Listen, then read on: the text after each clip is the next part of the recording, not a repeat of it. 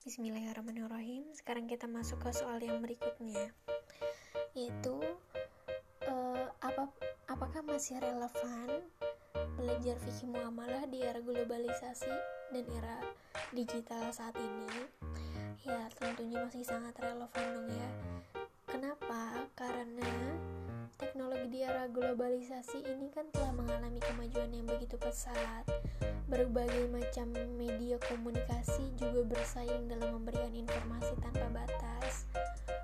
Tentunya fasilitas internet itu merupakan yang terlengkap dan efisien, di mana segala bentuk dan macam informasi dapat kita akses dengan mudah dan murah. Dalam hal ini, yaitu belajar fikih muamalah di era teknologi.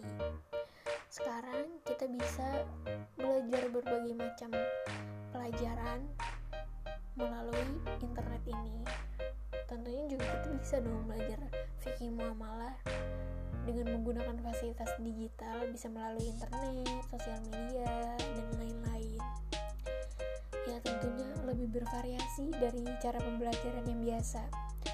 Biasanya kan kita kalau misalkan belajar itu cuma dari buku kita baca buku kemudian kita mem meminta penjelasan dari era digital ini ya kita bisa misalkan kita ingin tahu bagaimana caranya uh, apa fatwa DSN MUI tentang jual beli. Kita bisa cari fatwanya di internet karena sudah diberikan informasi itu di dalam internet. Oke sekian.